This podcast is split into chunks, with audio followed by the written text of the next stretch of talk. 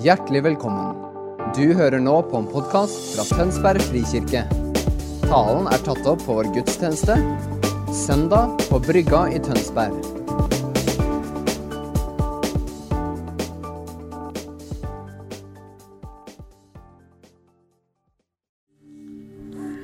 Takk, Hellige Ånd, for at du er til stede. Takk, Hellige Ånd, for at du er den som åpenbarer, du er den som taler til oss, du er den som viser oss vei. Og Gud, vi sier at vi vil prise deg i all evighet. Vi har gitt livene våre for å tilbe deg, for å prise deg, for å ære deg, Jesus. Amen. Amen. Herlig. God morgen. Se, der har vi den òg, vet du. Nydelig. Du, I dag så skal jeg snakke om et tema som er sånn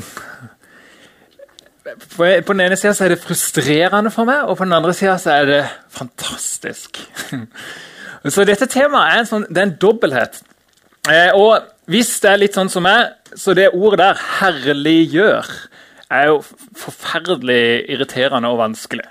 Er det noen av dere som skjønner at jeg liksom tenker ja, herliggjør, ja, det vet jeg hva er. Det er lett å forstå. Det er sånn noe Hver gang jeg kommer til å lese Bibelen og så kommer jeg og så leser jeg om herlighet, så tenker jeg bare Hva var herlighet igjen? For Det er et ord som har veldig mange nyanser. Det er brukt på litt forskjellig måte. Eh, og det er kanskje et av de ordene som er litt sånn frustrerende når vi kommer i eh, Bibelen og leser de ulike fortellingene. Så målet mitt i dag Dette blir liksom litt sånn annerledes, for jeg ikke, jeg har ikke tre poeng. Jeg tror ikke jeg har noen poeng egentlig i dag. Jeg tenkte det, satt der, jeg tenkte at dette er ikke en poengtale. Eh, og det er kanskje greit. Men, men, det jeg har lyst til å gjøre, da, som jeg tror kanskje er like nyttig, det er at jeg har lyst til å fortelle litt og dele litt om hva, hvordan jeg forstår herliggjør. Og hvordan forhåpentligvis Bibelen legger ut dette ordet, og hvordan vi skal forstå dette begrepet. Eh, og så er målet og ønsket mitt at kanskje den forståelsen, kanskje noen av de tankene kan være til inspirasjon, kan være noe som former livene våre. Så ikke vent på liksom, å, nå skal han komme til poenget, men bare tenk at i dag så er målet å prøve å forstå litt mer av hva dette ordet herliggjør, eller herlighet betyr. Da kommer du ikke til å bli frustrert hvis du tenker det. Hvis du venter på poeng, så blir du kanskje frustrert. Gud, vi begynner. Herlighet, det ordet, det betyr faktisk tyngde. Um, og det har dere kanskje hørt før, litt sånn der uh, 'The weight of his glory'. ikke sant? Eller du har amerikanske predikanter som bare roper ut 'glory, glory'! Uh, eller du har til og med noen norske predikanter som har lagd sanger om uh, glory. og Det er masse forskjellig glory. Vi er liksom kasta her og der. Um, til og med så er det navnet på en restaurant i Kristiansand som heter Herlig land. Eh, og det tenkte jeg, det var jo ganske, Hvis jeg skulle hatt en restaurant, så ville jeg kanskje kalt den det. for det var jo egentlig veldig fint. Eh, nesten sånn Eden. Eh, vi bruker herlighet som litt sånn der når vi er oppgitt. Å, herlighet, liksom. Da til og med bruker vi herlighet. Og vi bruker det Å, dette var herlig. Herlighet det er noe som er, det betyr tyngde, og det er kanskje det fellestrekket som på en måte binder sammen alle de ulike nyansene som vi skal se på når det kommer til dette begrepet. Det første eh, assosiasjonen for mange av oss er kanskje det som skjer her. Det er tempelet til Salomon eh, i Gamletestamentet. Og når, Gud, eh, når de bygde det og innvia det tempelet, så kom Guds herlighet. Og da var Guds herlighet en sky. Så dette nå er Guds herlighet det er en sky som på en måte er Gud. da. Så det er en bit av Gud som kommer og fyller tempelet. Og det som skjer, er at det er så tungt. Det som skjer er at De faller faktisk til bakken, de som er der inne. Så derfor så, akkurat der så er det veldig sånn, ah, tyngde det gir veldig mening. Det er så tungt at de klarer ikke å stå. Og Det er kanskje noen av dere som har opplevd ikke sant? Når man står, og så plutselig så kjenner du at Gud kommer, og så tryner man, eller dette, eller Ja, Det kjennes ut som Å, dette var tungt. Det er én assosiasjon. Det andre det, ja, det ser jeg jo veldig dårlig, da, men det er et lys der. Um, herlighet det handler om noe som skinner, noe som stråler ut. Um, og I Gammeltestamentet, på den tida, når de så opp på stjernene, så så de at de strålte. Og de sånn som Vi tror jo at det er en gassball ikke sant, med noen forskjellige greier. og, og sånn, så Vi tenker veldig sånn materielt og vitenskapelig på det. Men de tenkte ikke sånn. De trodde det var Gud. Og det er veldig forståelig. Du har masse stjerner, masse sånne ting som lyser opp på himmelen og som beveger seg rundt. Um, og de trodde at det var en form for gude. da. Og de gudene styrte jo òg på den tida. Så herlighet er knytta til noen som styrer, noen som hersker. Det er knytta til en konge. En konge har herlighet. Og Forståelsen av det er at eh, hvis vi hadde kommet inn i, eh, på Slottet og sett kongen, så hadde vi sett Wow! Kongens herlighet. Det er akkurat som at han bærer en tyngde. Vi bruker jo tyngde på denne måten sjøl. Tyngde er noen, noen, som har tyngde, er noen som har autoritet. Noen som på en måte har en rolle som er unike, eh, som bærer og har en viktig rolle. Da har du tyngde. Og Det er måten som også herlighet blir brukt på i Bibelen. Så Når Gud har herlighet, så har han tyngde, og han hersker. Neste. Dette er et kunstmuseum. eller lurer det er i Trondheim, for det er der som er kjent. Men hvis du går inn i et museum, så ser du masse bilder. I hvert fall de fleste museum. Og du ser på ulike ting som er lagd. Det åpenbare herligheten til kunstneren. Hvis jeg ser her i dag, så har vi fått opp Jeg tror dette er første gudstjeneste som uh, vi har det. Dette er herlig. Enig? Ja. herlig, altså.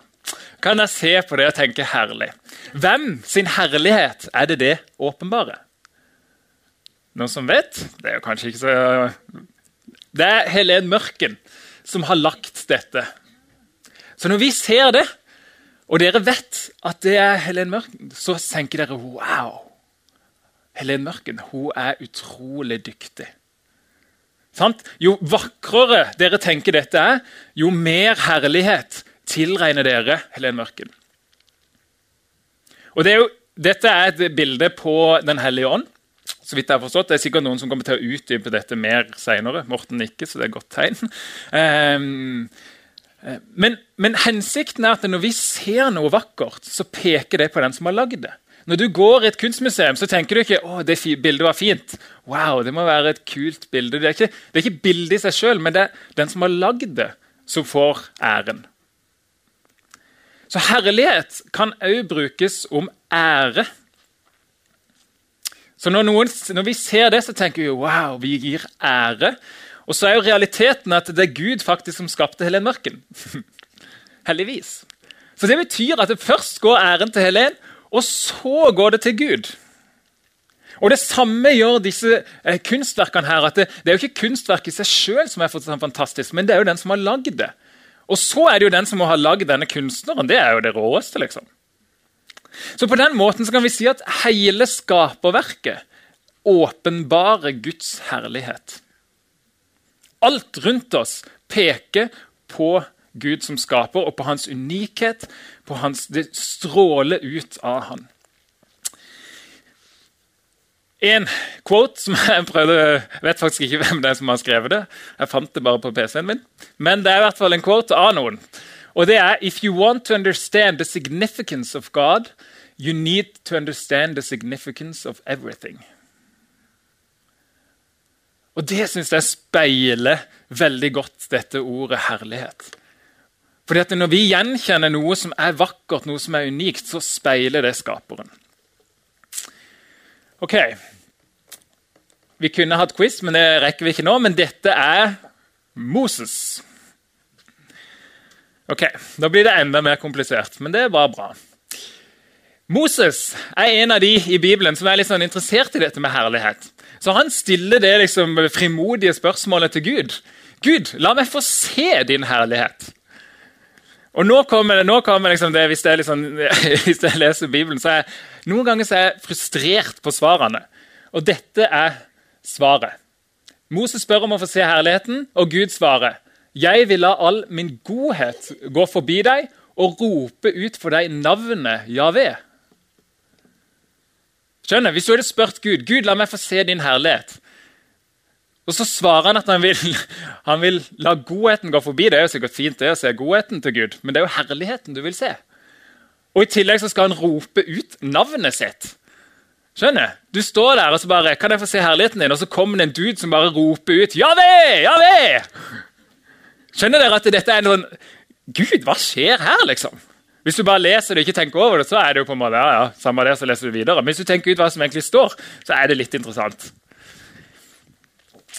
Ok, så På en eller annen måte så er herlighet også knytta til navn og til Guds godhet. Nå skal vi se hva som egentlig skjer da. Ja, Navnet Javé det er poenget. Navnet Javé er knytta til herlighet. Så skal vi se. Da steg Dette står bare liksom bitte grann etterpå. så dette er liksom, Nå skjer dette at Gud skal komme og rope ut navnet sitt. Da steg Javé I deres bibel er det sikkert oversatt 'herre' eller Gud kanskje noen plass. Det kommer litt an på hvordan de oversetter, men Javé er det som er riktig Guds navn. Da steg Javé ned i en sky. Her kommer den skya igjen. Sky er òg knytta til herlighet. Stilte seg hos ham og ropte ut navnet Javé. Se for deg det. Det kom en sky, og så roper du ut Javé! Javé gikk forbi ham og ropte. De er veldig opptatt av den der ropinga. Jeg tenkte over det. det sånn, hvorfor kan du ikke bare si det? Men hvorfor skal du rope absolutt? Ja, anyway. Det er ikke noe poeng, det. Der kommer Gud. Det var det nærmeste jeg kom. Så tenkte jeg at han kom i en sky, og det er skya. Um, og Det som er interessant, er at han er inni en sky. Og så sier han at du, du, ingen kan se Gud og leve. Og så andre plasser så står det at han så Gud, og han var ansikt til ansikt til Gud. Og så er jeg bare sånn, Hva er sant for noe? Ser han Gud, eller ser han ikke Gud? Er han i en sky, eller er han ikke i en sky? Er han ansikt til ansikt, eller er han ikke ansikt til ansikt? Og her er poenget. Bibelen er ikke en bok som gir deg bare to poeng, men han gir deg en refleksjon. Han, gir, han inviterer deg inn i en fortelling til å reflektere over Gud. Han gir deg ikke, han sier ikke sånn 'Sånn er det. Punktum.' Men han inviterer deg inn til å bruke disse historiene til å tenke gjennom hva er Guds herlighet egentlig. Og Det som skjer, er at han kommer. Og Så skal vi se hva som han egentlig roper ut. Han skal jo rope ut navnet sitt. Og dette er det han roper ut. Javé er Javé. det blir ikke mer frustrerende, det. Javé er Javé. En barmhjertig og nådig Gud. Det er jo veldig fint. Det liker vi. Sent til vrede. Det betyr at han blir vred, men han blir det veldig seint. Gud er og blir vred mange ganger i Bibelen, men han har hatt kontrollert sinne. Og Den store forskjellen for oss er at de færreste av oss har opplevd hva et godt sinne er. Noen som kontrollerer det, noen som ikke bare mister, går helt berserker. liksom. Det er jo det sinnet som vi tenker er dårlig. Det er når du ikke, når du ikke vet hva som skjer, og øh, alt går over styr. Men et kontrollert sinne som er rettferdig, det er faktisk et sinne som Gud har. Eller en vrede. Han er rik på miskunn og sannhet. Han holder fast på sin miskunn i tusen slektsledd og tilgir synd. Det der holder fast på sin miskunn det er jo litt sånn utdatert. mener jeg. Så jeg de bør finne på et nytt ord. På engelsk så oversetter de heller 'steadfast love'. Det syns jeg egentlig er mye mer finere. Det gir litt mer mening. det er litt mer sånn eh, Miskunn jeg bruker jo aldri dette vanlig. Så tenk en, en trofast kjærlighet som holder ut. Gud har en trofast kjærlighet i tusen slektsledd og tilgir synd. Skyld og lovbrudd. Men han lar ikke den skyldige slippe straff. Nå kommer jo den der ekle biten, den som vi helst vil hoppe over. For fedrenes synd straffer han barn og barnebarn og tredje og fjerde slektsledd. Det er jo en smule irriterende. Ok. Javé, den første biten av denne strofa Det som er en litt sånn fun fact, er at hvis vi ser gjennom Bibelen, så er dette verset her som vi akkurat har lest, det er det som blir sitert kanskje aller mest i hele Bibelen. Det verset som vi har lest nå, er det som de forfatterne gjennom Bibelen gjentar og gjentar og siterer og henviser til. Mangfoldige ganger så ønsker forfatterne å ta tilbake igjen til dette avsnittet. Til dette avsnittet hvor Guds herlighet blir åpenbart, til Guds navn blir åpenbart. Så Den første biten har jeg tenkt, den, nå oppsummerte jeg bare, den handler om nåde og barmhjertighet. Det er den fine biten. liksom. Den andre biten den handler om rettferdighet. Som vil si at eh, Gud lar ikke den skyldige slippe straff. Hvem er glad for det? Jeg er i hvert fall glad for det. Skjønner, når, når, går, når, dere ser i livene deres og ser det som er ondskap, og det som er av vondt og lidelse, og om det er familie, om det er jobbsituasjon, om det er venner som dere har som opplever ondskap og lidelse, så ønsker vi, og vi har en bønn om at Gud må du komme og bringe rettferdighet. 40% av salmene i Bibelen er klagesanger. Cirka. Det er en klage til at Gud kom og bring rettferdighet. Må du komme og løse situasjonen min. Og jeg har lyst til å si at Det, det er for hver eneste en av oss. Vi, har, vi kan be, vi kan ha stole på at Gud du skal komme og bringe rettferdighet en dag inn i denne situasjonen som vi står i. Du skal komme og løse problemet, du skal komme og straffe ondskapen. Så Gud er rettferdig, og det er bra. For fedrenes synd straffer han barn og barnebarn tredje og fjerde slektsledd. Den er litt vrien. Eh, vi kommer ikke til å dukke ned i den nå. Men enkelt så kan vi si at det det, det handler om, er ikke at det er Gud fordi pappa gjør noe galt, så straffer Gud meg. Poenget er at Gud er en rettferdig Gud i hvert eneste slektsledd. Han straffer barna hvis de gjør noe, han straffer barnebarna hvis de gjør noe, og han er en rettferdig Gud som straffer og som bringer dom. Straff er jo et veldig vanskelig ord for oss. Hm. Men, men, tenk dom. Gud dømmer. Og Det er fascinerende her hvis dere ser at i første del så tilgir Gud synd. Mens i siste del så straffer han ondskap og synd. Og hva er riktig? Hva er riktig for oss? Hvordan skal Gud forholde seg til oss? Poenget er at ja, ja, tilgir Gud meg nå, eller straffer han meg nå for det jeg har gjort? Skal Gud Vi er jo veldig glad for at Gud tilgir. Selvfølgelig, Vi er jo kjempeglade for det. Og han tilgir jo. Samtidig som at Gud må forholde seg til at han også skal være rettferdig. Og Dette er kanskje den sånn største jeg vil ikke si konflikt, men, men største tingen som skjer i Gamle testamentet, er hvordan skal Gud forholde seg til sine løfter og sin godhet og tilgivelse, og samtidig bringe rettferdighet til verden. Gud, hvis Gud, Problemet sitt med Israel var at hvis Gud bare tilgir og tilgir og tilgir og tilgir Israel hele veien, de gjør noe galt, så tenker alle de andre nasjonene for en gud. Han er i hvert fall ikke rettferdig. Han er skikkelig urettferdig. Han bare gir favør til dem. For en dust, liksom. Han bryr seg ikke om ondskap, han bare tilgir og vasker over det. liksom. Samtidig som at hvis Gud ikke tilgir, så tenker de bare å, for en slem idiot Gud. liksom. Han straffer jo bare. Han er jo livsfarlig. Vi kan ikke være med han. Han er ikke god, liksom. Skjønner dere disse to polene, da? Nåde og barmhjertighet og rettferdighet. Det er jo en enkel oppsummering. Eh, det er jo masse her vi kunne dukka inn. Men poenget er at når Gud åpenbarer sin herlighet, så er det disse to tingene her er helt sentralt i det han åpenbarer. Nåde og barmhjertighet og rettferdighet. Guds navn i Bibelen er jo knytta til hans vesen, til hans karakter. Når Gud, Gud, fylte tempelet, så står det at Guds navn var i tempelet. Og På samme måte som at eh, hvis, eh, hvis, vi snakker om navn, så, så eh, vi gir navn ut ifra hvem folk er. Sant? Du kaller ikke en Oscar for eh, ja, Veldig dårlig navn for Andreas. Han er Oscar, liksom. Vi, vi har ulike assosiasjoner til ulike navn fordi de representerer ulike ting og er ulike karaktertrekk, ulike sider. Og Det samme gjelder veldig tydelig i Bibelen. at Når Gud åpenbarer sitt navn, så ønsker han å si noe om hvem er han som vesen. Hvem er egentlig Gud? Det er hans sitt navn. Det er hans karakter. Det er hans vesen. Ok, Da skal vi hoppe til Johannes. Det er der vi skal gjøre de siste refleksjonene. Der begynner Johannes. I begynnelsen av evangeliet så skriver han, kommer dette her. Johannes 1, 14. Og ordet ble menneske og tok bolig iblant oss.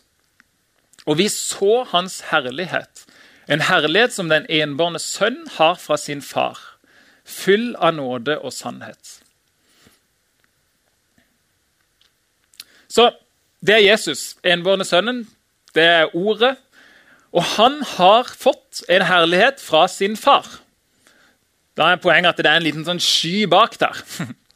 Det er den herligheten, det er Guds vesen. Han har fått det fra faren sin.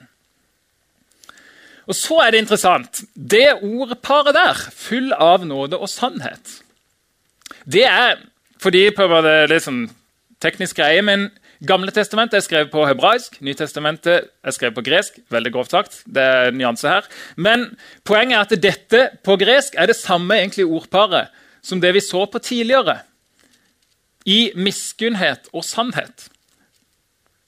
Så sannsynligvis de aller fleste tror og ser at det her, her det Johannes gjør, at han bruker dette her, og så peker han tilbake igjen til den fortellinga vi akkurat snakka om. Så det er en kobling mellom nåde og sannhet, og de tyder akkurat de, det avsnittet vi så på i forhold til Moses og denne skya. Så Forfatteren ønsker at vi skal ha begge disse to fortellingene i hodet vårt samtidig. Det Jesus nå åpenbarer, det er noe av det som, det der navnet som han ropte ut i Gamle testamentet.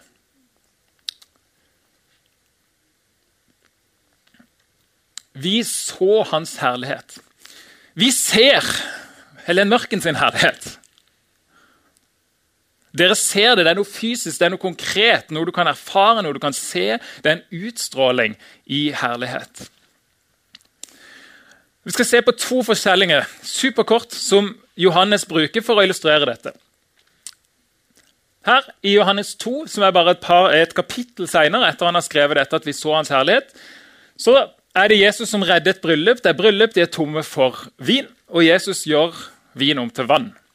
Og Da står det dette var det første tegnet Vin om til vann. Ja, stemmer. Det var bra dere lo, for ellers hadde ikke jeg skjønt det.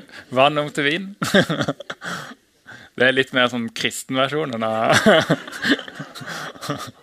historien. Noen ganger så er det verdt å skrive om. Nei da. Jesus redder i hvert fall et bryllup. Det var poenget. Og Dette var det første tegnet Jesus gjorde. Det var i Kana i Galilea. Han åpenbarte sin herlighet. Hvem sin herlighet er det? Sin herlighet? Ok, Her er det Jesus som åpenbarer sin herlighet.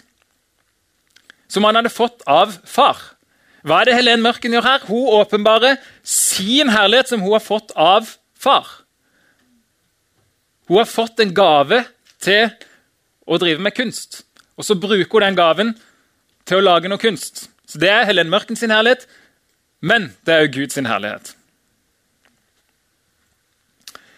Og disiplene trodde på han. Det er jo godt. Det er en god ting om disiplene. Ikke så mange av de i evangeliet. Neste historie, da er vi en del kapitler seinere. Jesus vekker opp Lasarus. Dette er en interessant historie.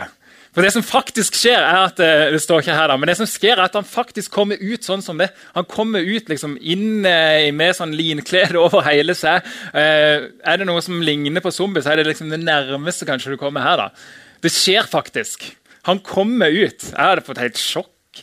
Hadde jeg stått der og kommer gående ut. Anyway. Um, dette, her står det i Johannes da, denne sykdommen fører ikke til døden, men er til Guds ære. Er det sånn hvis du fortsetter å lese den fortellinga, så står det at Lasarus døde. Så hva er liksom, Døde han eller døde han ikke? Ja, han døde faktisk. Men så kommer det heldigvis så kommer Jesus og vekker han opp. Denne sykdommen fører ikke til døden, men er til Guds ære. For ved den skal Guds sønn bli herliggjort. Dette synes jeg er en fantastisk historie. for det det minner meg om Stefanus i apostelens gjerninger.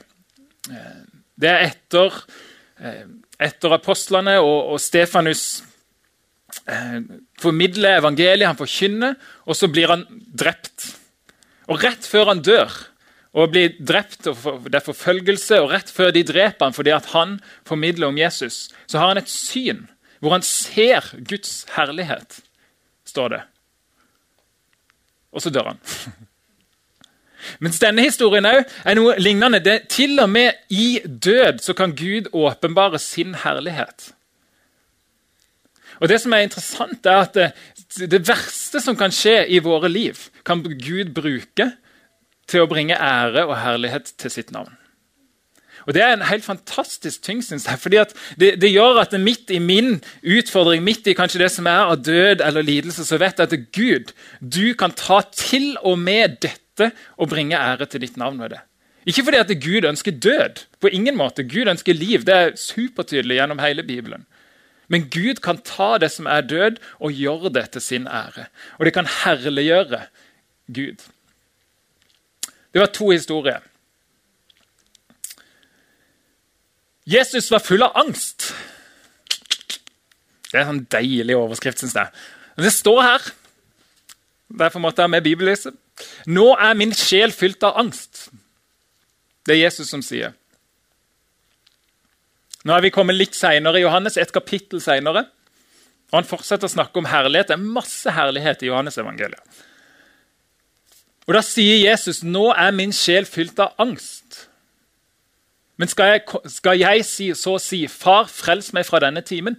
Nei, til denne timen skulle jeg komme. Far, la ditt navn bli herliggjort. Da lød det en røst fra himmelen. Jeg har herliggjort det og skal herliggjøre det igjen. Og nå må vi huske på de historiene som vi akkurat har lest, som Johannes har malt ut i denne fortellinga til nå, han har herliggjort det. Det er navnet til Gud.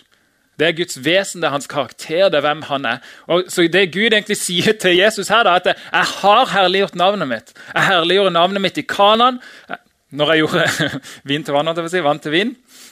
Jeg herliggjorde navnet mitt når Lasarus kom ut av grava. Jeg har herliggjort navnet mitt. Han herliggjorde navnet sitt i Gamle testamentet med de ulike tingene som skjedde der. Og han skal herliggjøre det igjen. Og Det interessante her er at eh, Jesus snakker her i denne konteksten om, om sin død. Han har delt eh, historien om dette frøet som Hvis ikke et frø er dette i bakken og dør, så blir det ingen frykt. Og Så snakker han om sin egen død. Og han er fylt av angst. Er det noen av dere som har hatt angst noen ganger? Jeg har i hvert fall. Når du kjenner på angst, tenk at du er fylt. Tenk at Jesus var fylt av angst. Min, nå er min sjel, altså hans vesen Sjel er ikke noe du har i Bibelen, sjel er noe du er. Det er liksom ditt, det er hele du. Nå er min, mitt livsvesen, hele meg, er fylt av angst. Og i det øyeblikket her så ber han og så sier han, 'Far, la ditt navn bli herliggjort'. Og det har vært noe, For min del så har det vært kanskje noe av det aller mest befriende. det Å stå i de øyeblikkene hvor du kjenner at nå er min sjel fylt av angst, av frustrasjon, av irritasjon eller av emosjoner og alt mulig. Og så kan jeg si, 'Far, la ditt navn bli herliggjort her'. Jeg er ikke død ennå. Og til og med om jeg hadde vært død, så kunne du herliggjort ditt navn gjennom meg. Om det ikke er et poeng, som jeg skal frem til, så er det i hvert fall kanskje en bønn som jeg kan komme fram til. Og det er 'Far, la ditt navn bli herliggjort'. Far, Gud, du som har skapt alt, la ditt navn få ære, la ditt navn bli løfta opp. Må ditt vesen bli åpenbart gjennom min lidelse, gjennom min død, gjennom min angst. Er det noe som vi ikke tenker åpenbare Gud, så er det jo angst. Skjønner Du ser en person, og så ser du han er full av angst, og så tenker du 'wow, Gud', altså. Nei, vi tenker ikke 'wow, Gud, nå blir du herliggjort'. Men Jesus står der full av angst i et øyeblikk, og så sier han, 'Far, i dette øyeblikket her, hvor jeg ikke ser håp, hvor jeg, alt er mørkt, far, la ditt navn bli herliggjort'. Og Det er noe med den friheten i det å kunne rette blikket sitt ut ifra seg, vekk fra seg sjøl i de øyeblikkene. Og si Gud, det, det, er ditt navn jeg lever for. Det er du som er herlig. Det er ikke mitt liv. Om jeg så mister livet mitt, som er det Jesus egentlig venter på, som han vet å vente på, som han forteller om. Det er den sorgen som har fylt han. Om jeg så mister livet mitt, så er det ditt navn som jeg lever for. Og Det er det Jesus snakker om, at hvis ikke du er villig til å legge ned ditt liv, så kommer du ikke til å finne det. Og det er en utrolig frihet å få lov til å rette blikket sitt vekk fra seg sjøl. Far, la ditt navn bli herliggjort. Vi ber en liten bønn før vi går videre. Skal vi to greier igjen. Hellige Ånd, takk for at du er her. Takk for at du hjelper oss, takk for at du ser oss. Takk for at midt i vår angst, midt i vår lidelse, midt i vår død, så herliggjør du ditt navn, Jesus. Jeg ber nå, Jesus, hver, for hver eneste en av oss, at må ditt navn bli herliggjort gjennom dette fellesskapet. Gjennom enkeltlivene, gjennom utfordringene, gjennom angsten, gjennom døden, gjennom det som er utfordrende, Herre. Amen. Noen ganger så må man bare be litt. Ok. Jesus herliggjør Gud. Og hvor skjer det? Det er på korset. Det mest tullete på en måte er hvordan er det Gud får ære? Jo, det er når Gud sjøl blir hengt opp på et kors og korsfesta. Det er det, det er det mest motstridende som er mulig å tenke. 100 år før Jesus så var det en Spartakus, og de leda et opprør, et slaveopprør, tror jeg det var. Det var ca. 6000 slaver som ble korsfesta. De hang de på en vei som var ca. Sånn 210 km lang. Det, det er cirka jeg regnet litt på det, for det var litt interessant. Det, det er som at det, herfra til Kristiansand ca. like langt, og så er det et kors hvert 40. meter hele veien. Det gjorde de. 100 år før Jesus. Opprørere, folk som prøvde å ta makten, folk som gjorde opprør, hang de opp på kors. Og du gikk langs den veien og så og hørte og så at fuglene spiste på dem. Det er sånn, det er dramatiske bilder, liksom. For, fordi at de hadde prøvd å ta makten. Det var vanlig med korsfestelse, og det var det de brukte. Ikke for å bringe ære til den som ble hengt opp på et kors, men for det motsatte, for å latterliggjøre, for å vise at det, du bør ikke gjøre opprør, for hvis du gjør opprør, så ender du opp der. Det var det mest nedverdigende du kunne gjøre, var å henge noen på et kors. Det var for å ta dem, for å ta all æren som var mulig. Det var for å strippe herligheten fra det. Og så, sier, og så er det på korset at Jesus herliggjør Gud. Jesus herliggjør Gud på og gjennom korset. Jesus herliggjør Gud midt i den situasjonen. Han er full av angst. Så ber han far herliggjør ditt navn. Og Jeg vet ikke helt hvor vi skal med dette. skjønner Jeg har ikke noe poeng her. at liksom, hvor skal vi? Men, men jeg har den historie som Johannes forteller, som evangeliene forteller, hvor vi, hvor vi blir nødt til å tenke ok, Gud, hva, hva er herlighet for noe, da? Hvis det er der herlighet blir åpenbart, hvis det er det som er på en måte som du leder oss til, til korset, liksom Til Guds makt, til Guds kraft Jesus åpenbarer Guds navn, hans ære og nåde og barmhjertighet. Og, Dette er kanskje den plassen hvor vi, vi, klarer å løse, eller i hvert fall koble noe av dette her. Hva er Guds herlighet, da? Hvis Guds herlighet som blir åpenbart til Moses, er nåde og barmhjertighet og rettferdighet, så er det akkurat på korset at disse to tingene klares å møtes. Hvor, hvor, det er både en kjærlighet, men det er òg en rettferdighet som blir utøvd med dom og med straff over det som er urettferdighet. Hvor, hvor synden må betale konsekvensen sin. Ondskapen må betale. Og Det skjer noe på korset som, som klarer å åpenbare noe av hvem Gud er, hans vesen, hans karakter. Og så Til slutt så er det, det er ånden. Temaet egentlig for talen er jo ånden herliggjør Jesus. Utfordringa med det temaet er at eh, eh, jeg tror det, det kan hende det er flere plasser, men i hvert fall én plass som jeg leste at ånden herliggjør Jesus, og det er Johannes. Eh, og Det er derfor vi har jobba med Johannes, det er derfor vi har sett på det. Eh, og det er sant. Men, men den fremtredende historien er, er mennesket som herliggjør Gud. Det er Jesus som herliggjør Gud. Og så, så putter Johannes inn her at ånden òg på et vis herliggjør Jesus. Og Derfor har jeg tatt med det bildet her, som på en måte skal følge oss. liksom. Og det, det er noe med det at når, når Guds nærvær, tempel, ånd lander i fellesskapet, i oss. I dette fellesskapet her, så er det noe som skjer at når vi lytter til Ånden, når vi ser Ånden, når vi får tak i det Han gjør, når vi lar Han tale til oss og forme oss, så er det noe av det som bør peke oss til korset. Som bør peke oss til å reflektere rundt Jesus. Og Det står at Johannes skriver i den kortsneftet, han skriver Ånden herliggjør Jesus for Grunnen til at Ånden herliggjør Jesus, er fordi at Ånden tar av det som er Jesus sitt, og gir til oss.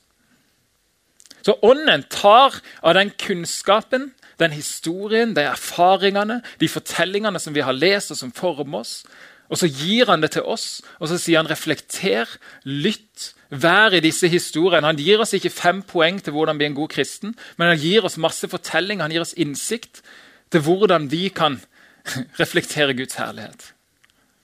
Og Derfor så har jeg lyst til å lese det som Frida leste på begynnelsen. Så kan lovsangsteamet komme opp.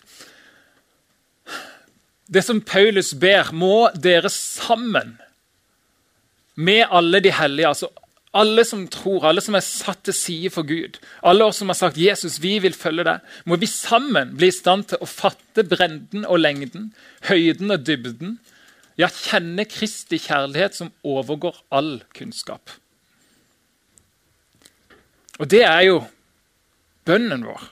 Må vi sammen som et fellesskap få lov til å, å, få tak i noe av Guds herlighet? Må vi få lov til å se det? Men mest av alt må, vi få lov til å speile det. Må livene våre må vi be den bønnen Far, herliggjør ditt navn gjennom oss. Og det tror jeg skjer gjennom at vi er et fellesskap hvor vi reflekterer sammen, at vi lytter sammen, at vi ber sammen.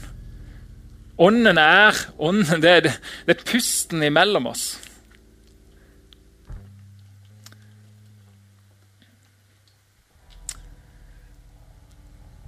Så Nei, det kom ikke det siste. Men det står, det var i hvert fall et bilde til, og der står det Hva? Et spørsmål til dere. Hva? Hva gjør Ånden? Hva har Ånden gjort? Hva har Ånden vist deg? Og jeg tror at Hvis vi kan lande i at, at eh, okay, det, vi lander i at Helligånd, du må vise oss, du må forme oss. Hva, hva, har du vist meg i det siste? Og så deler vi det. Og så er vi sammen, lar oss formes til å bli og til å åpenbare Guds herlighet. Jeg har lyst til å be, og så er vi ferdige. Jesus, du åpenbarte Guds herlighet på korset. Og jeg ber nå, Hellige Ånd, du som er her, du som lever i oss, du som lever i hver og en av oss, du som har fylt denne kirka, denne menigheten, denne kroppen. Må du, Hellige Ånd, komme og åpenbare Jesus for oss. Må du vise oss Guds herlighet. Må du lære oss, må du inspirere oss, må du forme oss, Jesus, til å se og til å erfare. Og så ber jeg Jesus om at de, de refleksjonene, de tankene, de historiene vi har sett på i dag, Jesus. Jeg ber om at du skal minne oss på det i ukene som kommer. Jeg ber om at du skal bruke det til å forme noe nytt i oss, Jesus. Led oss tilbake til den bønnen som du ba, Jesus. Far, herliggjør ditt navn. Far, herliggjør ditt navn. Ikke vårt, men herliggjør ditt navn, Jesus. Herliggjør ditt navn i denne menigheten, i dette fellesskapet, i familien vår, i økonomien vår.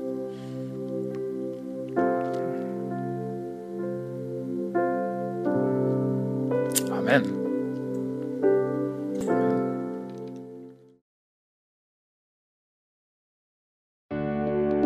Takk for at du hørte på vår podkast. Har du spørsmål eller ønsker du å vite mer? Søk oss på vår nettside tonsbergfrikirke.no. Du er også velkommen til kirke på Brygga i Tønsberg.